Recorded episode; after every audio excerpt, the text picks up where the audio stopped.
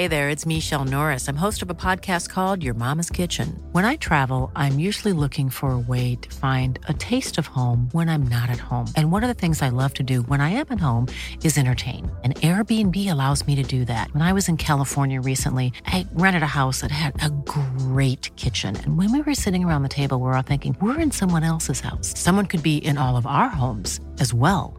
If you have a home, but you're not always at home, you have an Airbnb. Your home might be worth more than you think. Find out how much at airbnb.com/slash host.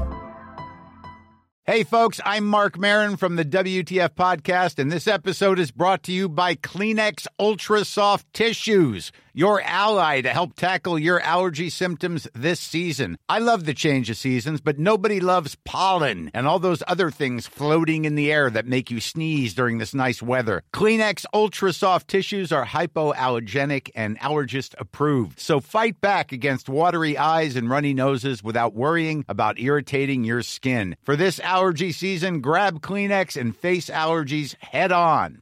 Planning for your next trip? Elevate your travel style with Quince. Quince has all the jet setting essentials you'll want for your next getaway, like European linen, premium luggage options, buttery soft Italian leather bags, and so much more. And is all priced at 50 to 80% less than similar brands. Plus, Quince only works with factories that use safe and ethical manufacturing practices. Pack your bags with high-quality essentials you'll be wearing for vacations to come with Quince. Go to quince.com slash pack for free shipping and 365-day returns. Einar Tørnquist her. Det du skal få høre på nå, det er en gammel episode av 198 land. Fortsatt en feiende flott episode, for all del, men en som har ligget der ute en stund nå. Og hvis du er gira på flunkende nye hovedepisoder av 198 land, så finner du det eksklusivt hos Podimo. God lytting!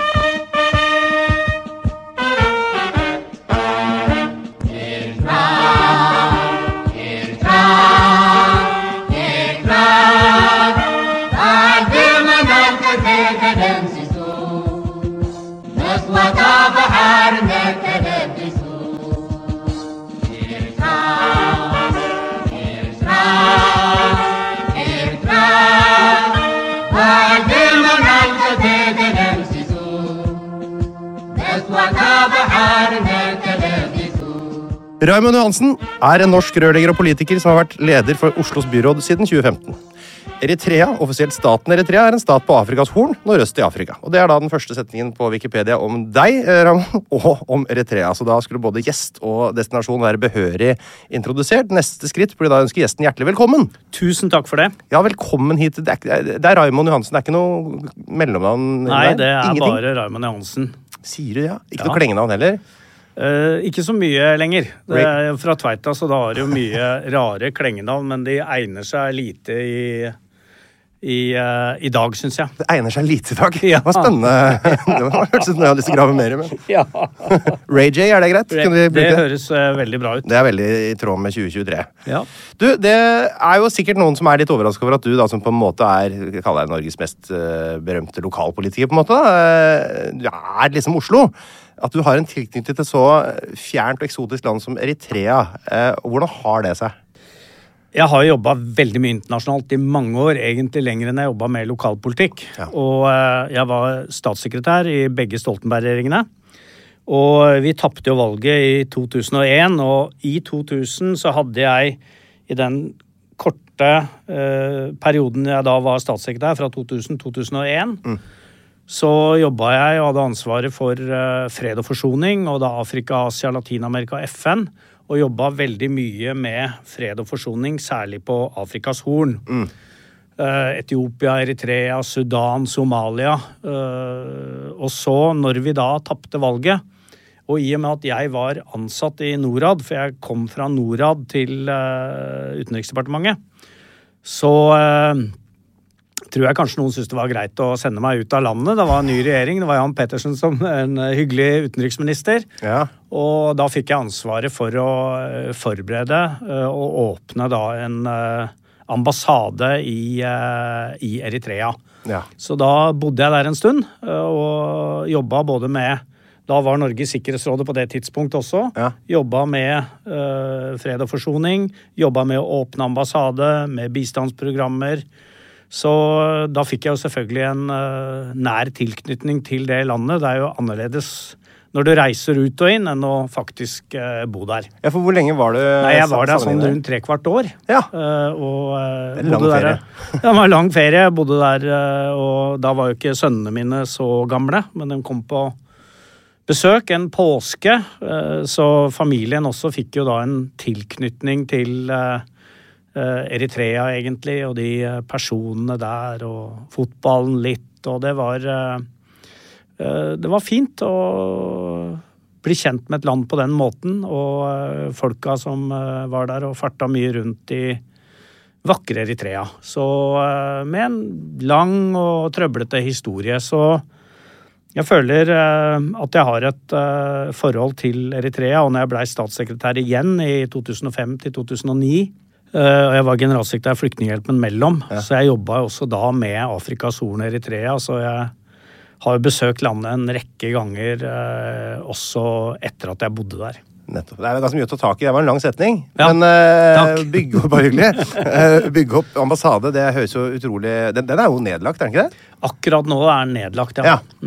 Men den, altså, den eh, ble da eh, For det er Khartoum, tror jeg, som er nærmeste Altså i Sudan, som er på en måte den du må Ja, det var eh, Addis Abeba Ja, det var det, ja. eh, som man lå under der. Men det ble- blei jo trøblete i og med konflikten mellom Eritrea og Etiopia. Så det Ja. har liksom vært både Khartoum og Addis som på en måte eh, har vært hovedambassade, inntil vi hadde en eh, full fleshed embassy, som man sier, en, eh, med alle eh, rettigheter. Men det var da etter at eh, jeg reiste hjem. Da, neste som kom da, var en ambassadør, for det var ikke i mine planer om å bli der permanent som ambassadør. Nei, for du var ikke ambassadør. Du er det, som heter, heter char... Chargé d'affaires. Åh, det er fantastisk. Ja, det, jeg er har det, ja? den derre lille Hva ga deg det nå?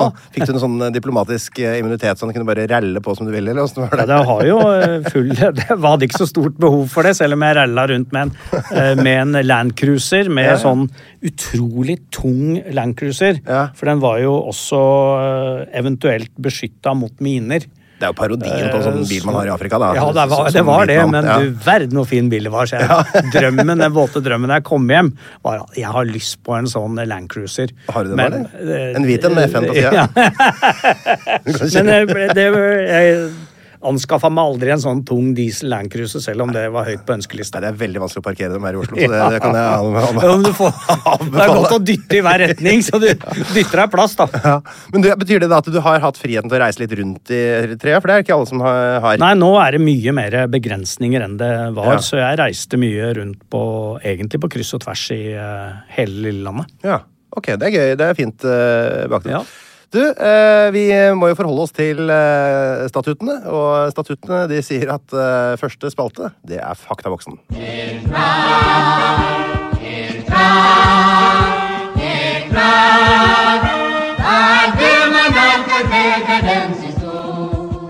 I Faktaboksen så skal du få hjelpe meg til å etablere liksom, de grunnleggende faktaene om Eritrea. Vi begynner med hovedstad. Hovedstaden heter Asmara. Asmara. Det er, er det en millionby, eller? Vet du det?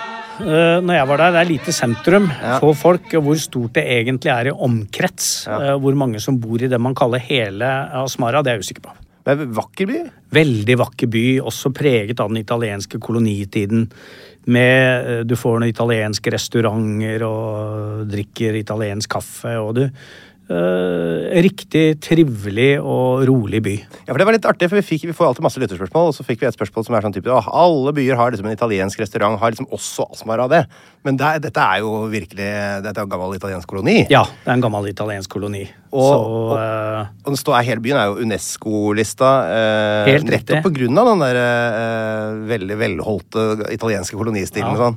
Det er småhus, det er eh, veldig vakkert og velholdt med hager og fine, rolige gater. Og, så det er en, absolutt en veldig eh, trivelig og fin by. Er det liksom cappuccino og pizza og pasta og Ja. Vespa? Det er det. Ja, det er det, ja. Og noe god eh, italiensk rødvin var det også tilgang på når jeg, eh, når jeg bo- bodde der. Ja, men det var Det det. er ikke noe i veien med en god Barolo på en deilig ettermiddag i Asmara. Ja. Er det så, jeg vet at eh, i snakka om andre land som har vært italienske kolonier, så eh, kan man eh, Altså, de, de eldste innbyggerne, de snakker og forstår italiensk fortsatt. Jeg vet ikke, Var det sånn i Ja, Eritrea? det var det. Ja, Det var det, men de yngre kunne ikke det. De Nei. knota litt på, på engelsk. Ja. Men hovedsakelig i Asmara så bor det jo tigrinjere. ja. Eh, og de snakker tigrinja. Og det er de, de, liksom de kristne Ja, det er eh, hovedsakelig de kristne, men du får aldri helt eksakte tall på antallet som er eh, muslimer og, og kristne der. Men Nei. når man sier at flertallet er kristne, i Asmara så er det nok det. Ja. Det er både den katolske og ortodokse uh, kjerka som uh, står ganske sterkt der, og så har vi hatt politikere som ikke ønsker noe særlig religiøs innflytelse i det hele tatt. Og så er det særlig på Lowlands, for det er jo delt dette med høylandet hvor hovedstaden ligger. Ja. Og så er det kystområdet hvor det er flatt, nesten ørken, hvor kystbyene Det er to store kystbyer, eller to store. store tradisjonelle havnebyer, Ja. som Massawa og Assab. Og så er det jo også eh, fjell, eh, et enda mer fjellmassiv mot grensa til Etiopia. Og så er det Western Lowlands også, så det er fire på en måte sånne kategorier av eh, landtyper i Eritrea. Det er jo klimasoner man kaller det. Klimasoner, ja. Så du kan oppleve ganske mye forskjellig. For det går Det- for å være i snitt et av de varmeste landene i verden, men, men eh, jeg regner med at Asmara, for eksempel, som ligger såpass høyt, ikke Det er er, ikke, så så, ikke, spesielt, eh, ikke spesielt varmt. Det Nei. ligger jo på 2300 meter. Så samla mye eh, røde blodlegemer er ikke det du gjør hvis du trener i høyden eller er det hvite. Det blir jeg aldri helt eh, sikker på. Det er i hvert fall topptrent, Raymond. Ja, det var jeg. Det Ja. var. Ja, det var. det, er, det er en viktig distinksjon her. Ja. det, var, det ligger jo høyt. Det kan jo Eh, ha noe med å gjøre at de gjør det så bra i sykling, for eksempel, da, som Ja. kanskje ikke alle Og vet. det var, sykkel var en stor uh, idrett i, uh, i Eritrea. Så uh, mange sykla på den veien, bratte eh, disse hårnålsvingene ned Mm. til Massawa. Var det der dere fant inspirasjon til å eh, satse på sykkel i Oslo? Ja, det var, det var, det var hele veien var sykkelveiene. Ok, altså De store byene det er jo da Asmara, selvfølgelig. Vi har eh, Keren, som Ja. er nest største by. Ja. Tessenei, tredje størst. Og så er det Massawa, som du nevner, som er Ja. gamle hovedstaden. kolonihovedstaden langs Helt kysten. riktig. Vi kan gå faktisk til innbyggertall i hele Eritrea, for det er også spennende. Vet du hvor mange som bor i Eritrea?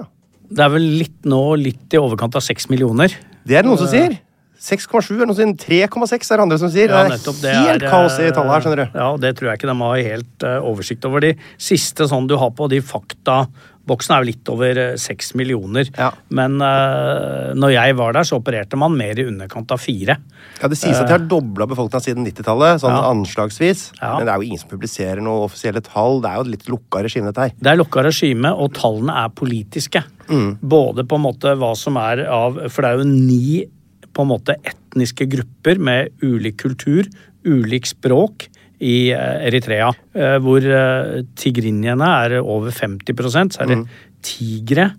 Og så er det, Mm. som er nest størst. Og så er det da syv andre mindre etniske kulturgrupper med eget språk. Mm. Så det er jo tigrinjerne som har hatt makta, og, og her er det jo også helt sikkert et stort behov for å kompensere Mm. for alle de som har flykta. For det er jo ingen tvil om at uh, gjennom de siste 20 åra så er det mange eh, som har flykta ut av Eritrea. Både via Sudan og via Etiopia. Det er jo Norges niende største eh, innvandringsgruppe. Ja, det er vel eh, over 25 000, og så er det 8000 som er eh, med eritreiske foreldre som er født i Norge, så det er rundt 32 000. Skulle akkurat til å korrigere deg og si at det er over 32 000, men så tok du det sjøl, gitt. Ja, det Du sa 25, tenkte jeg nå Nei jeg det. På kommu kommuneprofilen.no, der står alle de tallene der. der Ja, nettopp. Det er, eh, det er mange der. Ja. Og noen har jeg kontakt med, og det er eh, for så vidt en ganske krevende historie, fordi at regimet har hatt veldig øh, lange hender eh, ut mot også de som har forlatt eh, landet. Mm. Og tidligere så var jo en av de aller viktigste inntektskildene til Eritrea var jo å ta 2% av inntekten som du tjente på jobb, og sendte tilbake til eh, Eritrea. Oh, ja. Og eh, historiene sies jo at hvis du ikke gjorde det, Ja. så ble det represalier mot eh, familiene dine internt i Eritrea. Så det var ganske knalltøft. Men det jeg nå har grunn til å tro, Ja. Eh, er at det er færre som faktisk eh, betaler dette. dette. Men det er igjen veldig vanskelig å få verifisert, for det har jo vært mer eh, krevende med, med pengeoverføringene og det annet. Men det har vært en veldig viktig inntektskilde for Eritrea. Nettopp de eh, pengene som kommer altså. fra de som bor utafor. Spennende å, å prøve å tenke hvordan de da får oversikt over hvor mye alle som er rundt fra Eritrea tjener.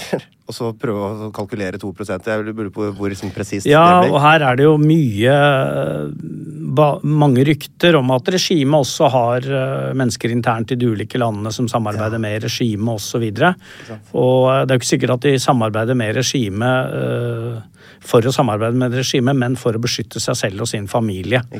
Det er et tøft regime, og du eh, nevnte i stad at dette er på en måte sett på til å være Afrikas Nord-Korea. Ja. Men etter eh, frigjøringen, på en måte, i uh, 92-93, Ja. så var jo målsettingen til han sittende presidenten, Isaias, Ja. at Det er bare på fornavn, du. Isaias Afewerki, ja, Ja. jeg er på fornavn. Jeg har truffet han såpass mange ganger at uh, det- blei naturlig. Det er en stund siden jeg har sett han nå. Uh, at dette skulle bli Afrika-Singapore. Ja, ikke sant? Uh, med alle muligheter med handel og, og alle ambisjoner man hadde med Ja. åpning av disse to havnene og bruke en del av de uh, mineralene som er, for det er en del Gull, blant annet. Ja, 15 og av eh, inntektene. så er det også et viktig tilsetningsstoff til uh, kunstgjødsel. Ja. Og gruver der som tidligere var eid av Canada, husker jeg når jeg var der. Nå er det overtatt av kinesere. Mm. Om det utgjør såpass mye at presset på en måte å få disse pengene fra de som bor utafor har blitt mindre, Mm. det vet ikke jeg. Det er jo Kina og Qatar visstnok som har investert mest penger så vidt jeg Ja. forstått, da, i, i eh, landet. Det er Fordi de andre landene har trukket seg ut. litt Og det er sånn. ofte konsekvensen av det. the usual suspects Ja, som kommer og inn. Kina, når, jo Kina og Qatar, og det ser vi over hele Afrika, ja, ja, ja. stiller ingen spørsmål. Ikke helt tatt. Uh, Der er det bare å investere og uh, Bygger ut infrastrukturen, alle Ja. er happy, og så får jeg sikkert en stemme i FN uh, ekstra. Helt sikkert. Så er mye gjort. Ja. Apropos penger, eh, valuta. Nakfa. Det er det de bruker. Eritreisk nakfa. Ja, den, jeg har eh, en del eritreisk nakfa hjemme ennå. Og den ser Ja, ja, jeg har det. Syns jo det er litt artig. uh, og noen ganger når jeg eh, for eksempel skal til USA, så har jeg jo noen sånne steder hvor jeg har litt noen dollar. Mm. Og så ligner nakfa på dollar litt av Ja, utseendet. ja. Så min store skuffelse når jeg har tatt opp og liksom Oi! 100? Ja, og 100 Oh. Så har det absolutt ikke vært 100 dollar, men 100 nakfa. Ja, det er 70 kroner omtrent. det. Ja, det er nettopp. Ja. ja, det er faktisk, ja, akkurat i dag så på morgenkvisten så har jeg og rensa litt i, i reisevalutaskuffen min. For jeg tenkte at nå er krona såpass uh, gunstig å veksle tilbake til, da. så jeg har gått, vært eh, på og veksla inn noen euro og sånn som jeg ligger i, Å, ja. i skuffen. Er det, oh, ja. må, jeg skatte, må jeg skatte av det, forresten? Nei, det skal du slippe. Oh, takk Men det er takk for tipset. Jeg har også en del euro og pund nå, faktisk. Ja, ja. Jeg har også Liggende. 55 pund. Ja, du har det, ja? Jeg ikke hadde vært på noen fotballturer som ja. jeg ikke greide å bruke av alle penga, så jeg har noe pund liggende. Er ikke du United-supporter, da? Nei, Tottenham. Ja, det er Tottenham, ja. Da skal det være mulig å bruke Ja, nettopp. ja. Ja, det er for United der er det dyrt. Ja. Du, eh, hvilke land grenser Eritrea til? Tre eh, land som den grenser til i Rødehavet, Mm. eh, men ikke inntil. Det er jo da eh, Jemen og Saudi-Arabia. Yes. Men også på, på land så grenser de til Djibouti. Yes. De grenser til Etiopia, og den grenser til Sudan. Du kan jo dette her, du. Ja, jeg har jo vært mye i disse landene. Ja, da. har det. Så det er de tre det grenser til. Er Eritrea større eller mindre enn Norge? For det er alltid jeg spør om. Det er ca. en tredjedel av Norge. Mm. 121 041 Ja. kvadratkilometer. Jeg faktisk regner litt på det. Så hvis du reiser opp til det som er Norges geografiske midtpunkt, som er oppe i Steinkjer omtrent, mm. setter du en strek på tvers av Norge der, så er Eritrea mer eller mindre identisk med den delen som er nord for, uh, Ja, for Norges geografiske midtpunkt. Nettopp. Hvis du vil ha et størrelsesforhold Ja, ja, på det. ja. Minus. Svalbard. Minus Svalbard, ja. Det var godt beskrevet. Så der har du det. Det ligner litt i formen nå, faktisk. På Norge, ja. Ja, på den litt. delen. Det var Litt, eh, ja, sånn tynn en, pølse del, der, ja. en del likheter, ja. Ja. Og så er det noe som heter HDI, som er da Human Development Index. Norge er på en sørgelig andreplass, selvfølgelig, men det er jo enda verre med eh, Eritrea, som da på plassen fra første til 191. befinner seg hvor? ja. Det tror jeg må være eh, langt oppe på 170-tallet. 176. Dæven, du er god på dette her, altså. Ja, det, er, var eh, nettopp. Det var eh, såpass, ja. Ja, det er dårlig. altså. Det er, altså. De eneste som gjør det dårligere, er jo da andre dysfunksjonelle afrikanske land. Og så er det de to fullstendig krigsødelagte landene Afghanistan og Jemen. Som, eh, Så utover det så er det eh, få som gjør det så dårlig som Eritrea. Eh, de er litt høyere opp på lista over forventa levealder, som er en del av det tallet her. Eh, Ja. De er nummer 149 der. ja. Eh, kan forvente å bli 66 og et halvt år gammel. Hvor lenge har du hatt igjen da? Det har ikke mange, vet du. Nei, Du har ikke tatt noen ny periode da, du? nei. Vi har vært innom religion. Det er jo islam og kristendom som er de to store. Ja. Eh, Og innafor kristendommen så er det flere retninger. ja. Eh, Det er det. Det er Og, sunni på islam, bare for å ta det. Ja. så er det da I kristendom så er det eritreisk ortodoks. Eritreisk ortodoks, ja. Ja. Og så er den koptiske. Ja. Den er vel eh, mer eller mindre det den er. Ja. Den ortodokse. Og så er den katolske. Ja. Og så er det mye sånn lavkirkelige hapsy-clapsy, som eh, Isaias eh, pleide å kalle dem litt. Hapsy-clapsy, ja. Ja, ja, for de synger, og han ja, ja, eh, likte ikke dem helt, så han Nei, du- kalte det en hapsy-clapsy. Nei, det er riktig. Det er jo, det altså er det jo, jeg prøvde bare å forstå hva den eritreisk ortodokse kirken er. da. Jeg tror, det som skiller det mest fra det vi på en måte kjenner fra Norge, protestantisme og sånn, er vel at de eh, mener at Jesus da eh, ikke var både Gud og menneske, men bare Gud. Det var eneste jeg Mm. Ja, nettopp. finne. Ja. nettopp. Ja, Men å kalle den erit- eritreisk ortodokse kjerka, Ja. det er nok også uh, et uttrykk for å ta, uh, at det ikke er den etiopisk ortodokse kjerka. Det er nok først og fremst det det handler om. Uh, Fordi at det var jo eh, når i alle de åra fra 1850 og til eh, 1993 så var jo Eritrea en del av Etiopia. Ja. Og eh, det er selvfølgelig da også en del av den etiopisk-ortodokse kirken. Mm. Men eh, som alle andre steder så er også kirka politisk. Det er den. Demonym, altså ordet for innbyggernavn. Nordmann i Norge. Eh, Eritreer. Eritreer i Eritrea. Ja. Eritreisk. Eritreisk, ja. Mhm. Så har du statsform. Den er jo, eh, Vi ville jo kalt oss for et konstitusjonelt monarki her i Norge. Hva kaller vi Eritrea? Republikk. Det er republikk, og det er en, en dundrende demokratisk sådan, er det ikke? Ja, det er det. Han eh, har hatt eh, kontroll hele veien, uh, Isaiah Safwerki.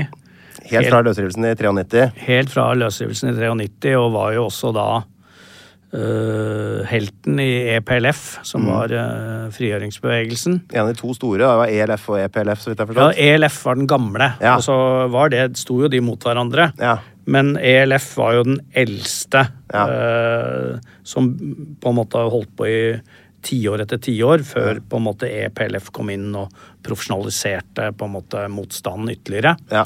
Og så var det jo hele tida, da. Det var jo eh, en krig mot uh, Haile Selassie og seinere Mengistu-regimet i Etiopia.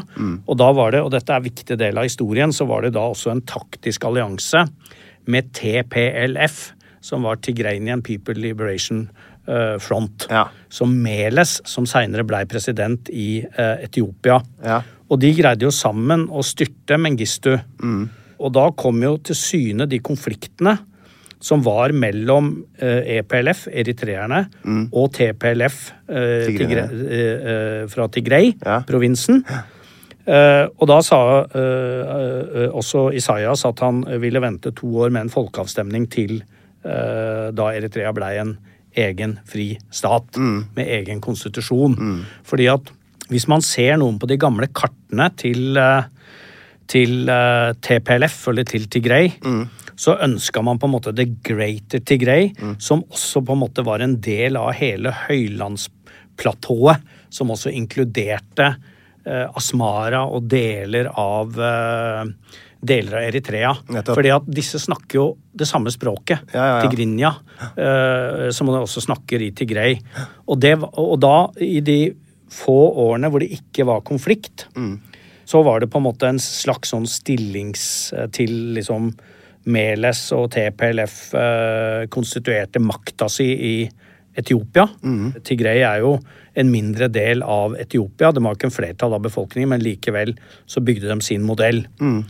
Og så uh, blei Eritrea etablert, og så krasja jo dem sammen i 1998 til 2000, hvor det blei en brutal krig mellom eh, Etiopia og Eritrea.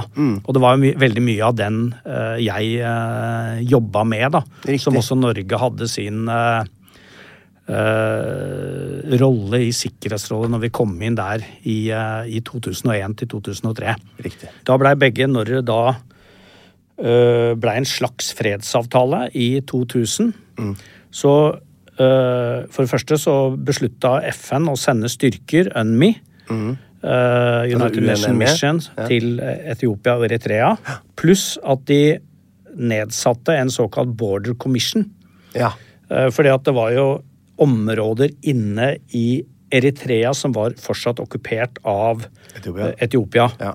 Eh, Og så sa man begge partene blei enige om at eh, the verdict, eller kjennelsen fra eh, denne border commission, skulle på en måte være en endelig løsning som begge partene skulle akseptere.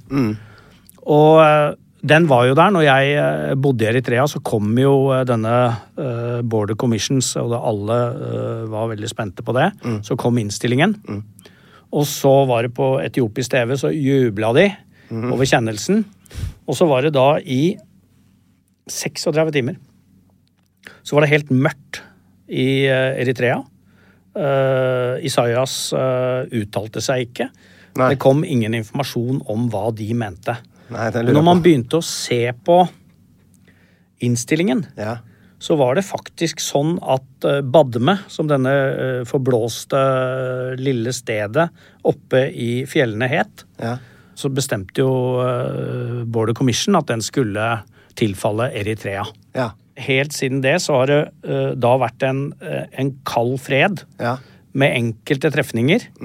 eh, som da varte hele tida når Meles satt som pres... Han er jo død, han døde jo av kreft. Meles og Isaias, som var gamle på en måte kampfeller i krigen mot eh, Mengistu-regimet. Ja. Eh, De hata hverandre som uh, pesten, og denne herre stillingstagen var veldig dramatisk. Ikke minst for Etiopia. Fordi Etiopia er jo verdens største land uten tilgang til havet. Riktig. Uh, og det de hadde tidligere, var jo tilgang til Massawa. Ja, det var, var kystbyen kystbyen, og til del til Assab. Og så da måtte jo dem nå eh, bygge opp infrastruktur for å komme seg til Djibouti og bruke det som en utlastingshavn. Så dette var jo eh, Begge økonomier blei jo veldig uh, hardt straffet av, uh, av dette. Og fortsatt i dag så er ikke Massawa og Assab uh, kommersielle havner igjen. Så selv om kan komme sikkert litt tilbake til det, selv om situasjonen nå er dramatisk endra, så har det eh, Og at eh, det er en eh, eh, en taktisk eh, avtale mellom eh, Isaias og eh, eh, statsministeren i eh, Etiopia, som fikk fredsprisen, Ja. etter at det nå eh, var en krig i Tigray. Ja, For det hadde vel, altså, Etiopia og Eritrea kom vel fram til en grenseavtale og erklærte liksom den konflikten for død i 2018. Så vidt jeg har. Ja, helt forstått. riktig. Ja. Eh, Så veit jeg ikke hvordan det har gått etter det, Men tenk, men eh, tenk på det. Da ja. satt vi og fikk den eh, innstillingen i 2002. ja. Og så Det varte 16 år 16 år. Ja. Eh, 16 år før man til slutt aksepterte den. Ja. Og det var jo han uh, AB, han uh, Etiopiske? etiopiske, Ja. som da kom med noen innrømmelser mot Isaias. Mm. Og da begynte jo eh, den dramatiske konflikten internt i Etiopia Mm. mot Tigray. Som varte fra 2019 til 2021. Mm. Og han er jo uh, Abe, han eh, statsministeren i Etiopia, er jo Hamara, som er den største folkegruppen i eh, Etiopia, som da har tatt over makten etter, etter Tigray. Da begynte jo Eritrea å gå inn og hjelpe Etiopia med å bombe Tigray. Og uh, i løpet av den, hold deg fast, i løpet av den konflikten fra 2019 til 2021, da må jeg få lov å stille deg et spørsmål. Ja. Hvor mange mennesker tror du døde da? Å, herregud. Det er, altså, det, det, det, det er hundretusenvis. Jeg aner ikke. 1,2 Å, millioner. fytti helsike. Det er bare så Bare det lille Bare det området her. Det lille håpløse området. 1,2 millioner. Og dette hadde aldri statsministeren i Etiopia klart uten den eh, hjelpa fra Eritrea. Ikke sant? Fordi Eritrea har jo hatt hele tida TPLF og Tigray som sin fiende. Ja. Dette er jo egentlig broderfolk som snakker på sett og vis samme språk. Ja, relativt eh, sammenfallende Så kultur. det er utrolig dramatisk, men det jeg skulle, øh, grunnen til jeg kom inn på det, var jo at selv ikke å ha dette samarbeidet har ført til at man har åpna havneforbindelsen Masava-Asab. Nei. Så det betyr at jeg ser på dette her som en taktisk og ikke en strategisk eh, avtale. Nettopp. For de stoler egentlig ikke på Nei, hverandre. Ofrene her er jo som alltid i krig og konflikt folket. Vanlige folk. Vanlige folk. Mm. Veldig, veldig dramatisk historie. Det er en veldig dramatisk historie. Det var, mer dramatisk enn jeg faktisk hadde fått med meg. 1,2 millioner var jo helt eh, sinnssykt. Ja, Blant annet en eh, som var utenriksminister, som jeg hadde eh, mye kontakt med, også fordi eh, når han gikk av som utenriksminister, så drev han også uh, litt inn i konflikten i Somalia, som Mm. drev og jobba med. Seyo Mesfin het han. Mm. Han var også etiopisk ambassadør til Beijing. Mm. Han blei bare skutt. Ja. Uh, og flere av de jeg hadde kontakt med, blei bare henretta. Ikke at det er det mest dramatiske, men alle Nei, men det det, høye antallet. Og det vi ser nå, da, på de innafor Tigray-provinsen, så er de mest på en måte fruktbare områdene nå overtatt av amarer. Og Altså vi kan få en eh, Etiopi, den største Ja, eh, eh, omor- oromene er vel en majoritetsbefolkning som er i sør, men de er er, ingen maktfaktor. Men amarene er jo det, og det var jo det Haile Selassie, Mengistu, Ja, ja, den var jo amarer. Så eh, de er jo nå overtatt av dem, så du kan få en sånn Vest-Sahara-lignende situasjon. Nettopp, ja. Eh, men det er jo klart at alt dette skjer også når verden er opptatt annet av Ukraina. Ja, og det Eh, pandemi var det jo den perioden her. eh, Ja, det er klart det er jo sånn Man tar jo de konfliktene som er nærmest seg selv. Helt riktig. som er nærmest seg selv. Helt riktig. Sånn en dramatisk historie. Så vi kan ta litt sånn, eh, en liten tidslinje på det etterpå. Ja. Jeg må bare vite hva som er den høyeste toppen i Eritrea, for vi er fortsatt i faktaboksen. Oi, altså. vi er fortsatt i faktaboksen. Ja, Da skal jeg være litt uh, rolig. Hva som er det? det? Der må jeg melde pass. Det er Mbasuira. 3013 meter. Jeg har ikke vært der. Har du ikke det? Nei, jeg har ikke vært der. Skandaløst. Sier du det, ja? Den er så høy, ja. Ja, over 3000. Det er eh, verdt å merke seg. Det er også laveste punkt. Det er også da største naturlige innsjø der. Lake Kulul på minus 75 meter. Nettopp. Det er eh, bare detaljer, selvfølgelig, dette her, for de som er pirker på sånt. Og så har vi da flagget. Eh, klarer du å beskrive det, eller? Ja, det er eh, Det er litt krøkkete. Det er mye sånn rødt. og Grønt. Ja. Det er blått, ja. og det er rødt. En svær Og rødt, sånn ja, og rødt beskriver blodet. Blått er havet. Ja. Og det grønne er jo da uh, markene. Det er fruktbarheten. Det er fruktbarheten, markene. Og så er det en uh, uh, olivengren Ja, omgitt av en krans Ja, ja, ja. som er inne i den røde fargen, tror jeg. Det Ja husker jeg ikke helt. Helt. Jo, i den røde fargen. Var veldig godt beskrevet, syns jeg. Du syns det, ja? Jeg syns det. det. Så, så er rød er den største fargen. Det er en svær Ja. trekant på tvers der. Men det kan jo folk bare google. hvis Det, det er jo veldig, eh, Vi går ikke mer i dybden på det. Det er kjedelig å høre folk snakke om åssen flagg ser ut. Ja. Så da går vi videre. Jeg vil si vi har bestått faktaboks, Ramon. Tusen takk.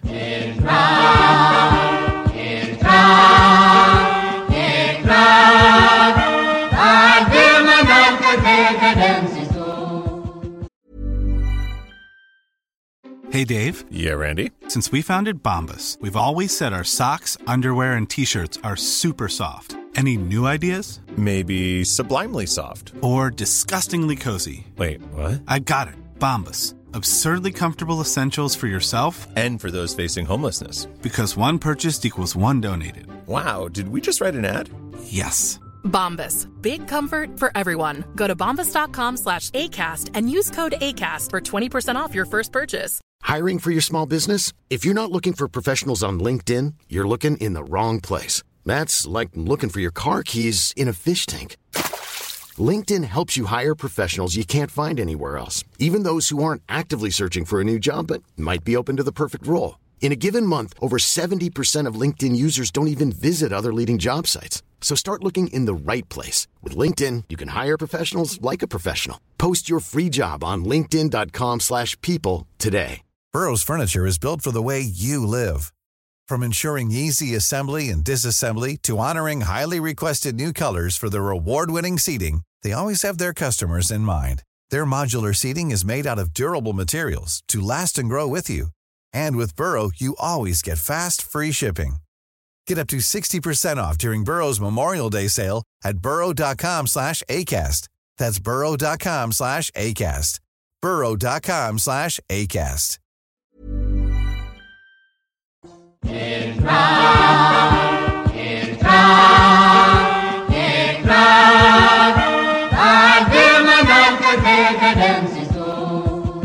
Historien er jo på en måte alltid fin å, å ta litt sånn, gå litt, litt tilbake i tid på når man skal liksom snakke om land eh, som har hatt konflikt eh, som, over så lang periode. Eh, det er jo ofte lurt å begynne med kolonitida, har jeg erfaring med. Det var italiensk koloni. Det var denne Berlin-konferansen hvor de bare fordelte land eh, litt eh, rundt omkring til eh, noen europeiske kakser som satt og forsynte seg litt. Så var vel britene var, ville vel ikke at franskmennene skulle ha for mye kontroll oppi der, og så fikk Italia rett og slett uh, Eritrea. Italia de hadde jo en politi de har tatt noen litt politiske, litt uh, offensive valg gjennom historien. og uh, i på ja, 20-tallet og rundt der så begynte det å bli ganske sånn vi kaller det rett og slett det var dønn fascistisk, hele greia. Ja. 35-36 så begynner de italienerne da å eh, gå løs på Etiopia. Okkuperer Etiopia. Eh, så da slår de sammen Eritrea, som de da har som koloni, eh, Etiopia og i praksis Somalia, da. De kalte det vel for italiensk Somaliland, tror jeg. Slo sammen det til én stor enhet som het italiensk Øst-Afrika. Det varte jo ikke så mange år før andre verdenskrig kom, og så fikk de jo juling av britene. Og så ble da Eritrea satt under eh, britisk protektorat noen år. Eh, og italienerne jaga ut igjen. Eh, og så kom vel FN. Er, når er det 1950 rundt eh, I 48 ble vel FN på en måte stifta. Ja. 1950 så blir da det vedtatt at Eritrea skal inn under Etiopia. Helt riktig. Ja. Og da, som en egentlig som autonom eh, Som vi skal kalle det en slags eh, liten stat i staten. Som aldri blei en autonomi, egentlig. Nei, ikke sant. For da, da begynner jo Det er jo som, som det åpenbart blir, da, at etioperne etiopierne begynner jo selvfølgelig sånn gradvis å spise seg inn i det. De forbyr vel eh, tigrinja-språket, erstatter det med amarisk. Eh, flagget blir forbudt. Eh, og så er vel rett og slett, hvis vi går til 62, så er da kan man si at Etiopia har annektert Eritrea. Og her er vel kilden til veldig mye konflikt. Dette må jo sitte veldig dypt i liksom, den eh, eritreiske patriotismen. Ja, det er veldig eh, godt, eh, godt beskrevet. Eh, og identiteten til Eritrea er også veldig rar. Det er jo Identiteten er jo at det har vært en italiensk koloni. Mm. I motsetning til Etiopia. Ja, Og så det var jo Og da har du uh, Ja. Det er jo sammenfallende folkegrupper. Det er sammenfallende og- folkegrupper, og- men identiteten er jo uh, også Mm. uh, knytta annet til det at det er noe som er eget eritreisk. Mm. Og nå har vi de ni ulike nasjonalitetene, men og det har masse ulike folkegrupper også i, i Etiopia. Men Mm. da starta på en måte kampene og da mot uh, Haile Selassie eh, først, og så fra 72 Det var keiser da i. Keiser. Haile Selassie, som jo også var her i eh, Oslo. Var det? Ja, ja, han har vært her, han. Jo da, han klaga på trikken på Majorstua. Han bråka så jævlig. Ja, han Eh, mye, da, Han besøkte jo vel kong. Olav. Ja. Klaga på trikken på Majorstua.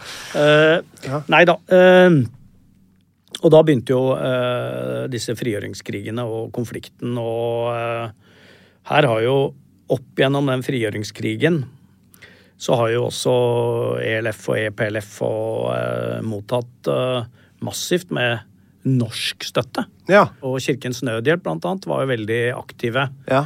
Og blant annet ved å gi sånne små matrasjoner, sånne pakker. Ja.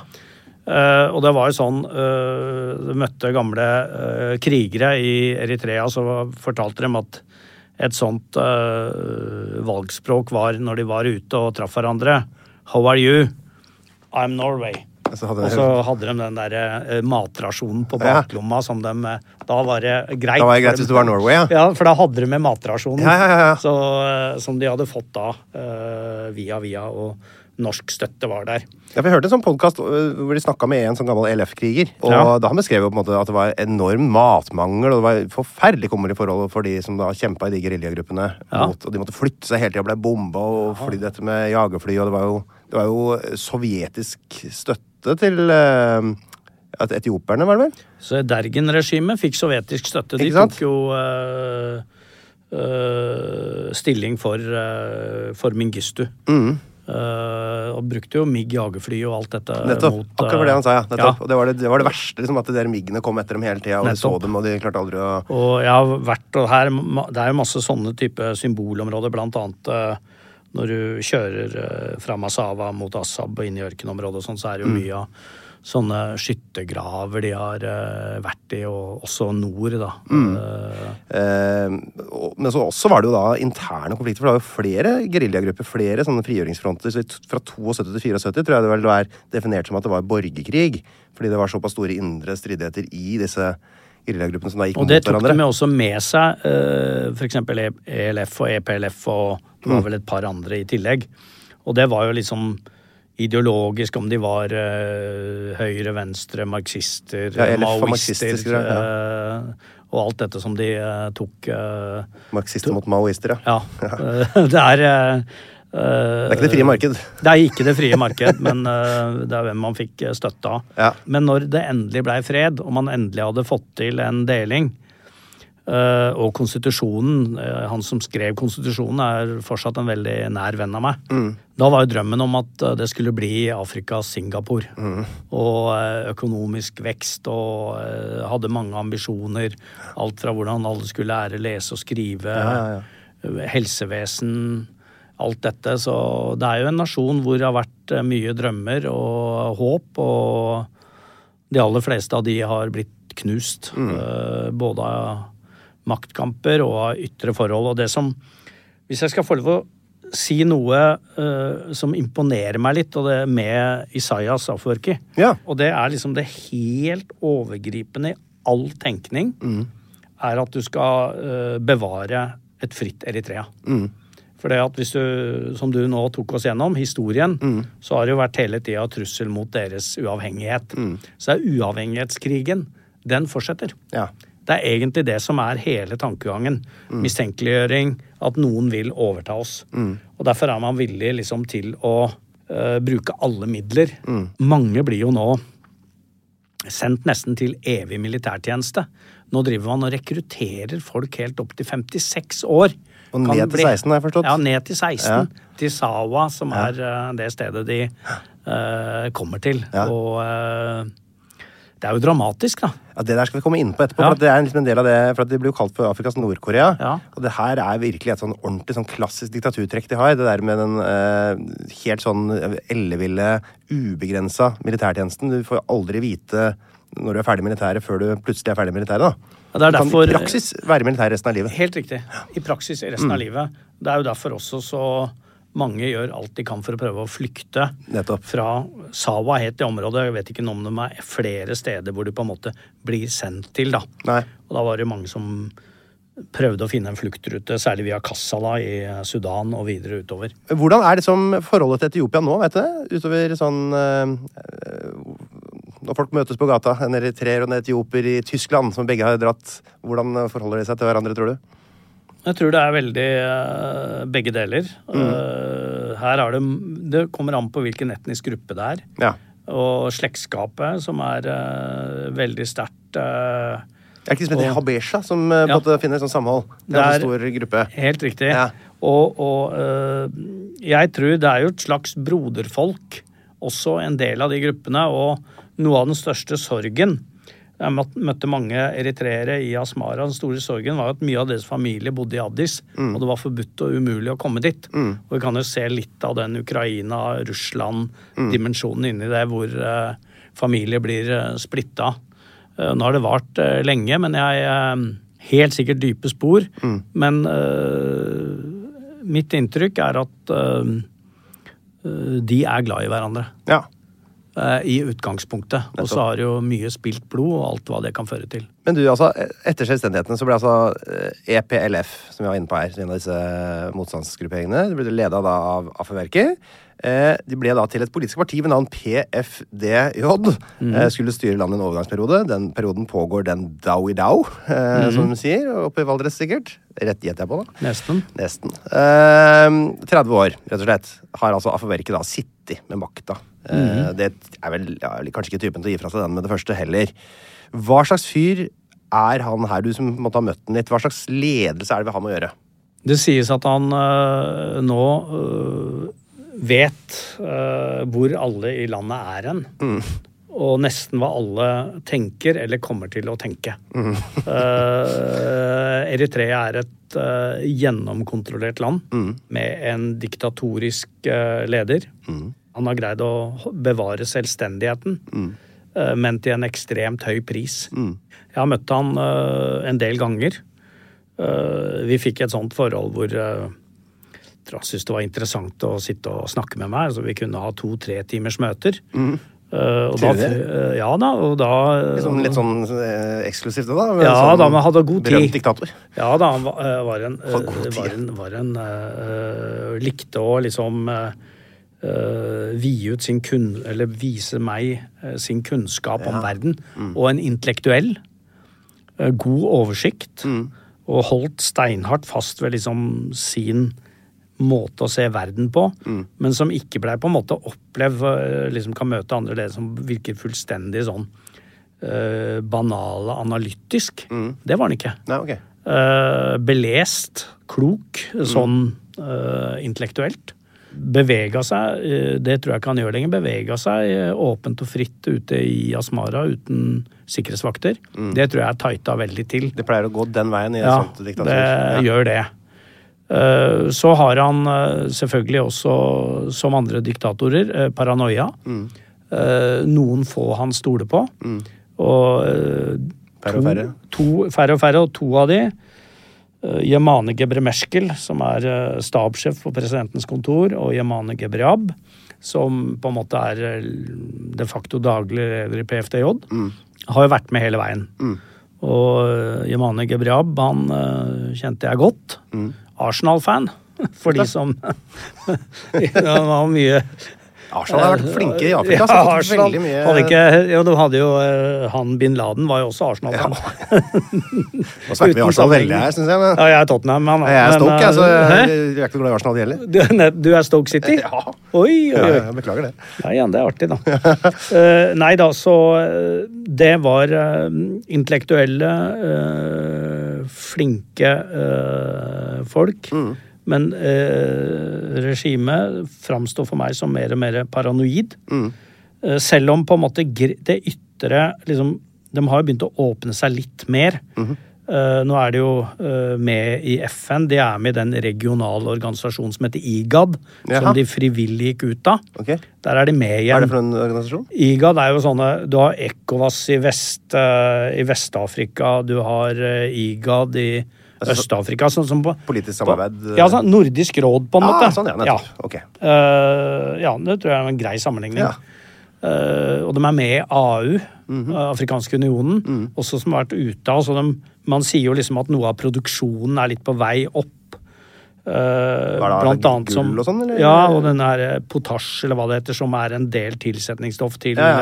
eh, Mm. kunstgjødsel. Okay. Jeg tror kanskje ikke det heter helt potasj. Det. Potassium? Nei, det Potassium! er potassium, Jo, det er potassium. Ja. Det er potassium. Takk skal du skal jeg tar ha. den. Bare hyggelig, Ja. du. Eh, som de har ganske store forekomster av, som var på canadiske hender, som nå er på uh, kinesiske hender. Mm. Hva dette vil bety, og hva det betyr, det, det vet jeg ikke. Fyren har holdt seg makta. Diktator. Uh, kobler seg mer og mer på andre autoritære uh, ledere. Ja, ja. Og så uh, ryktene om hans død er betydelig overdrevet. Ja. Det vil jeg si. Et annet sånn trekk som er veldig eller klassisk, som jeg har opplevd flere ganger, er at når du kommer inn i Eritrea, så slutter telefonen din å virke. For at utenlandske SIM-kort har jo ingen funksjon. Det er ikke noe nett de kobler seg på. For å få lokalt SIM-kort, så må du også ha fast adresse i Eritrea.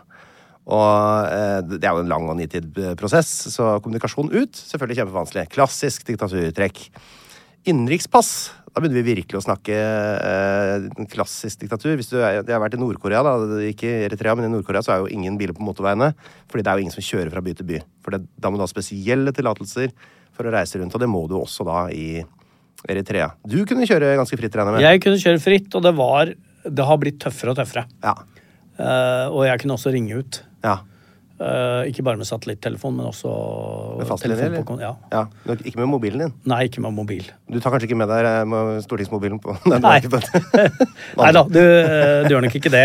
Eh, Men det er nok eh, det du nå uh, forklarer og sier, er jo at regimet går jo i én retning. Kontroll, kontroll. Kontroll, kontroll, kontroll. Og det er eh, at man vet både hva folk tenker, og hva de, du tror at de kommer til å tenke. Mm. Eksempel å rømme.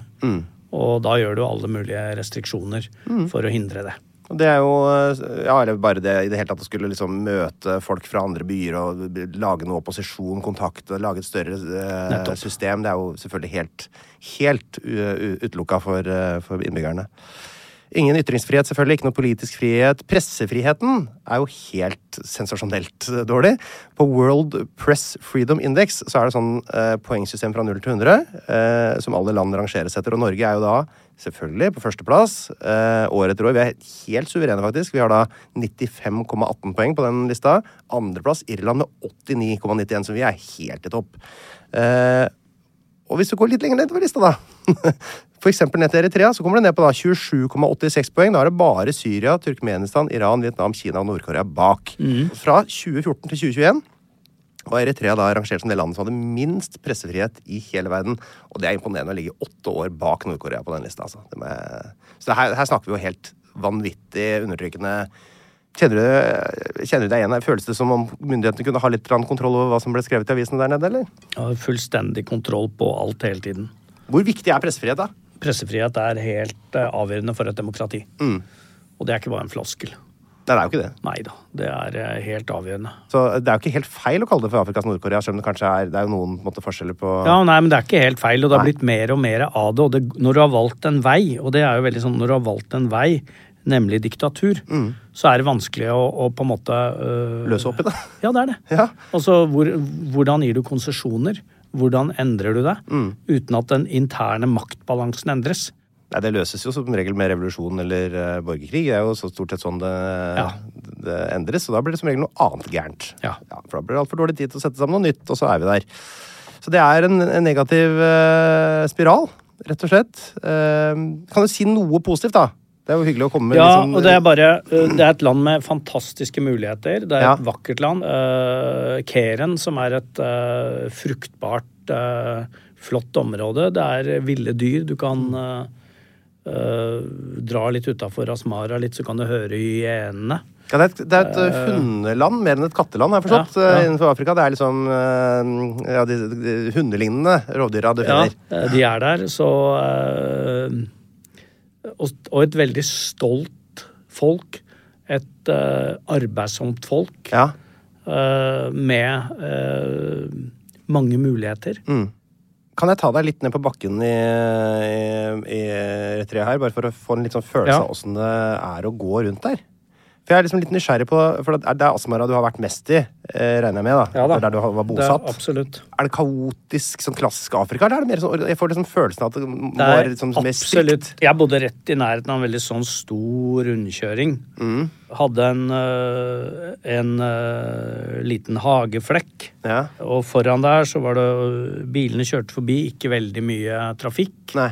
Jeg kunne gå til noen naboer. Mm. Og øh, pene hager. Og det var også f.eks. for eksempel nede i hovedgata, Mm. øh, hvor domkirken var. Eller i hvert fall en stor kirke. Om det kaltes domkirken, det er vel tvilsomt. Mm. På nærheten her så var det sånne små kafeer hvor du kunne sitte og ta deg en kaffe.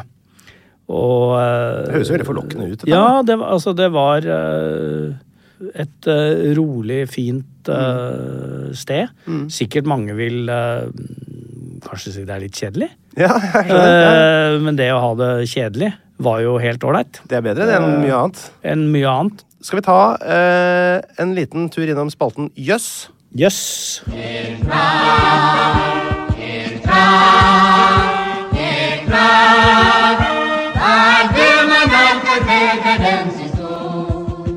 spalten Jøss, Ramon, så samler jeg sammen sånn mildt overraskende fakta om forskjellige land. Det er ikke helt sjokkerende. Det er ikke helt uinteressant heller. Det er sånn hm, jøss. Det er det jeg forventer av reaksjon.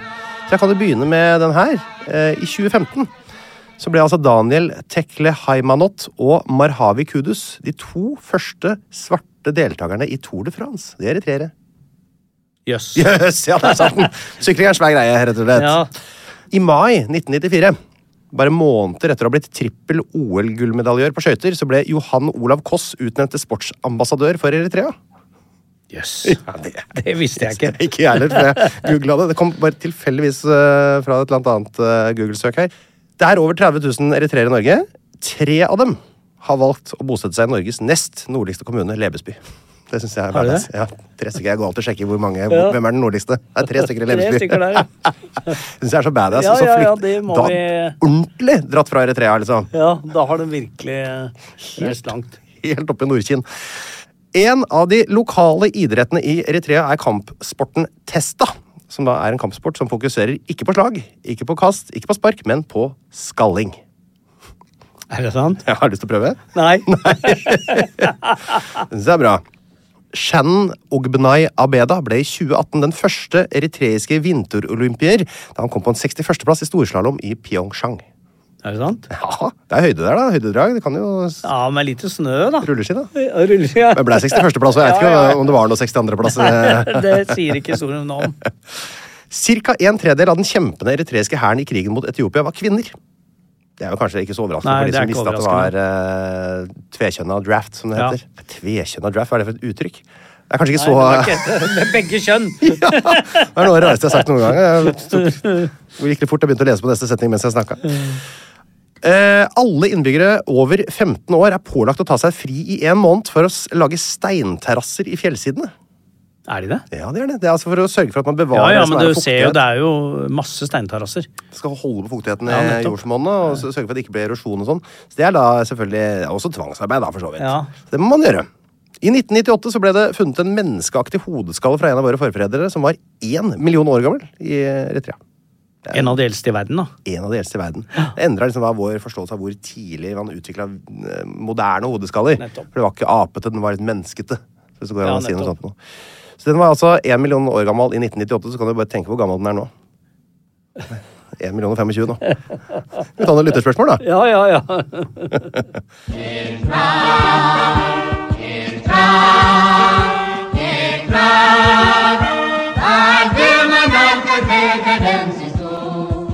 Ja, I spalten lytterspørsmål, eh, Raymond, så skal du altså få spørsmål fra lytterne. Ja. Jeg har samla en liten eh, gjeng her som lurer på masse rart. Mm. Eh, og Fredrik M. Lindbo han lurer på om du lærte deg å lese og skrive tigrinja.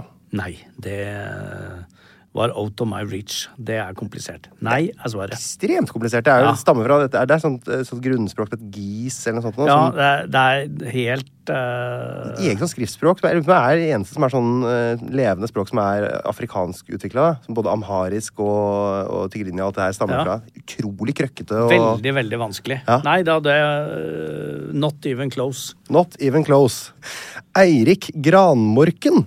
Han eh, spør hva slags mat må man prøve når man er der?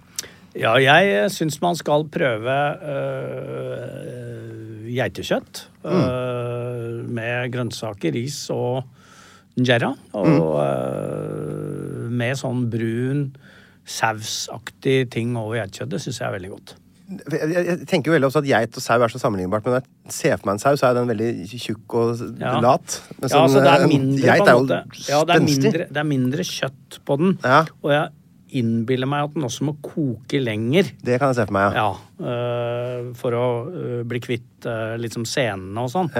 Ja. Men jeg øh, spiste det som skulle kose meg, og fikk det servert. Syns jeg det var kjempedeilig. Geit som kosemat for Raymond Hansen. Ja, ja, ja. Det, var, øh, det var bra. Karianne Kleven lurer på hvilket forhold har du til musikken derfra? Hun tør påstå at den er litt spesiell, og så har hun sånn eh, holde seg for øynene-emoji etter det. Eh, det er jo alltid sånn når du er i et land, også i Eritrea, og er på oppvisning med eritreisk musikk, og får hele atmosfæren, sett menneskene, sett hvordan de danser danser, og belysningen er, og stemningen er, så syns du jo det er flott. Eh, men det er jo ikke sånn at Så kommer du hjem. Ja, så kommer du hjem. Det er jo sånn litt med med en del drikkevarer òg, som Ja, ja, ja. akkurat Ozo, for eksempel. Det går an å drikke i Hellas. Du verden, du tar ikke med deg det hjem. Altså, jo, men, men det er jo sånn med den musikken, men må, den må være Ja. akkurat i den atmosfæren. Så jeg, det var, jeg syns det var flott, men det var flott med stemningen og eh, menneskene og lukta og alt du var eh, en del av da. Men eh, Ja, Der følte Ja. jeg meg litt gjennomskua, rett og slett. For det er jo litt sånn jeg opplever det òg. Ute og reiser, og så er jeg Ja. oi, oi, oi, jeg er så glad. Jeg har blitt så glad i sånn eh, musikk fra Mali, jeg, vet du. Ja, og så kommer jeg hjem, så er det jo eh, rett på noe Ja, nei, De Lillos eller et eller annet, Ja, nei, det er noe helt annet. minst malissiske som fins. Ja, ja, ja. ja, ja det, så sånn sett så har jeg ikke noe sånn forhold til det. Nei. Men jeg hadde øh, fine opplevelser med eritreisk øh, musikk når jeg var der, syns jeg. Bjørn Ravnås han har stilt det samme spørsmålet til alle episodene av 198 land. Han lurer på hvem forteller de svenske vitser om? Det må jo nesten være etioperne, da. Eller er det for like, liksom? Eh, Kanskje de djiboutierne for uh... Jeg tror det er hvem du, hvem du spør. Det kan jo hende at uh, de som tilhører uh, tigre, forteller vitser om tigrinjere, for alt jeg veit. Men tenk, du må ha utrolig mye innsikt i et land mm. for å forstå humor. Og det er jo ofte en del av Det er det vanskeligste med å dra til et annet land. Du er jo ikke Ja. morsom i et annet land. Nei, du er ikke morsom til et annet land. Og hvor vanskelig de som ikke er født i, i øh, Norge har for å forstå norsk humor. Ja, ja, helt håpløst, Og kona mi er nordlending, og det er ikke Mm. alltid jeg forstår nordnorsk humor, ikke henne heller i eh, humoren i Oslo. Nei, nei, det- Så humor, det, det skal du ikke Det, det vil jeg ikke påta meg å skjønne nå. Nei, nettopp. Men det er veldig greit. Det var jo en fin ansvar- ansvarsforskrivelse. Men jeg, jeg tror i hvert fall at øh, jeg ville gambla på Etiopia, og så, og så får vi se. Jeg er ikke helt sikker, Bjørn. Kenneth Beck han spør er Eritrea kjent for noen oppfinnelser. Og der måtte jeg google. Ja. Uh, og jeg har klart å finne én. Nei. Jeg vil ikke si at Eritrea har blitt veldig kjent for den. Det er jo mer kjent for andre ting Men det er altså en eritreisk mann som heter Michael, Mikael Sebato, som i 2016 oppfant ei elektrisk sag som sager firkanta høl. Veldig fort. Det er ikke det, høres ikke det noe, noe, noe du har lyst til å ha? Jo, det Firkanta hull i veggen. Er det sånn? Ja, Quadsaw heter den. Kan dere gå og google? Det ser jo helt ja. rå ut. Sier du det? Ja, Så den eh, kan jeg absolutt anbefales. Det er en eritreisk eh, oppfinnelse der. Firkanta høl. Fy faen. Firkanta høl, Jeg ja. vet ikke om jeg skal bruke det til noe Ja, som helst. Det er bare... Ja, ja, ja.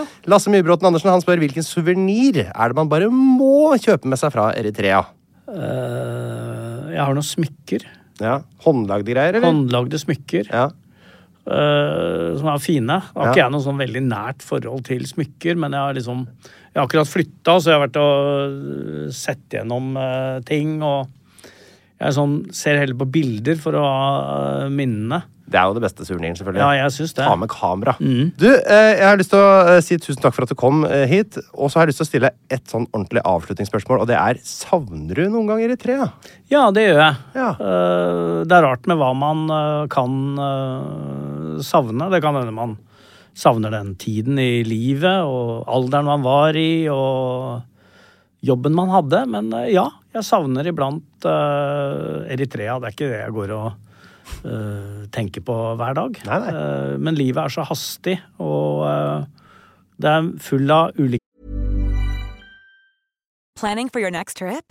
Elevate your travel style with Quince. Quince has all the jet setting essentials you'll want for your next getaway, like European linen, premium luggage options, buttery soft Italian leather bags, and so much more. And is all priced at 50 to 80% less than similar brands. Plus, Quince only works with factories that use safe and ethical manufacturing practices.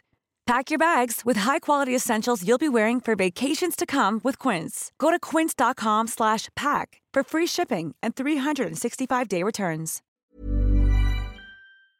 Minner, men også mange eh, gode minner. Eh, så jeg bærer med meg Eritrea. Veldig hyggelig at du kom hit. Lykke til med valg. Tusen takk skal du ha. Så får vi eh, ta praten om et annet land en gang, da. Det må vi gjøre. Hyggelig å ha deg her. Fint, det. Ha det. Plan B. Pst, det er meg, Einar Tørnquist her. Han fra 198 land.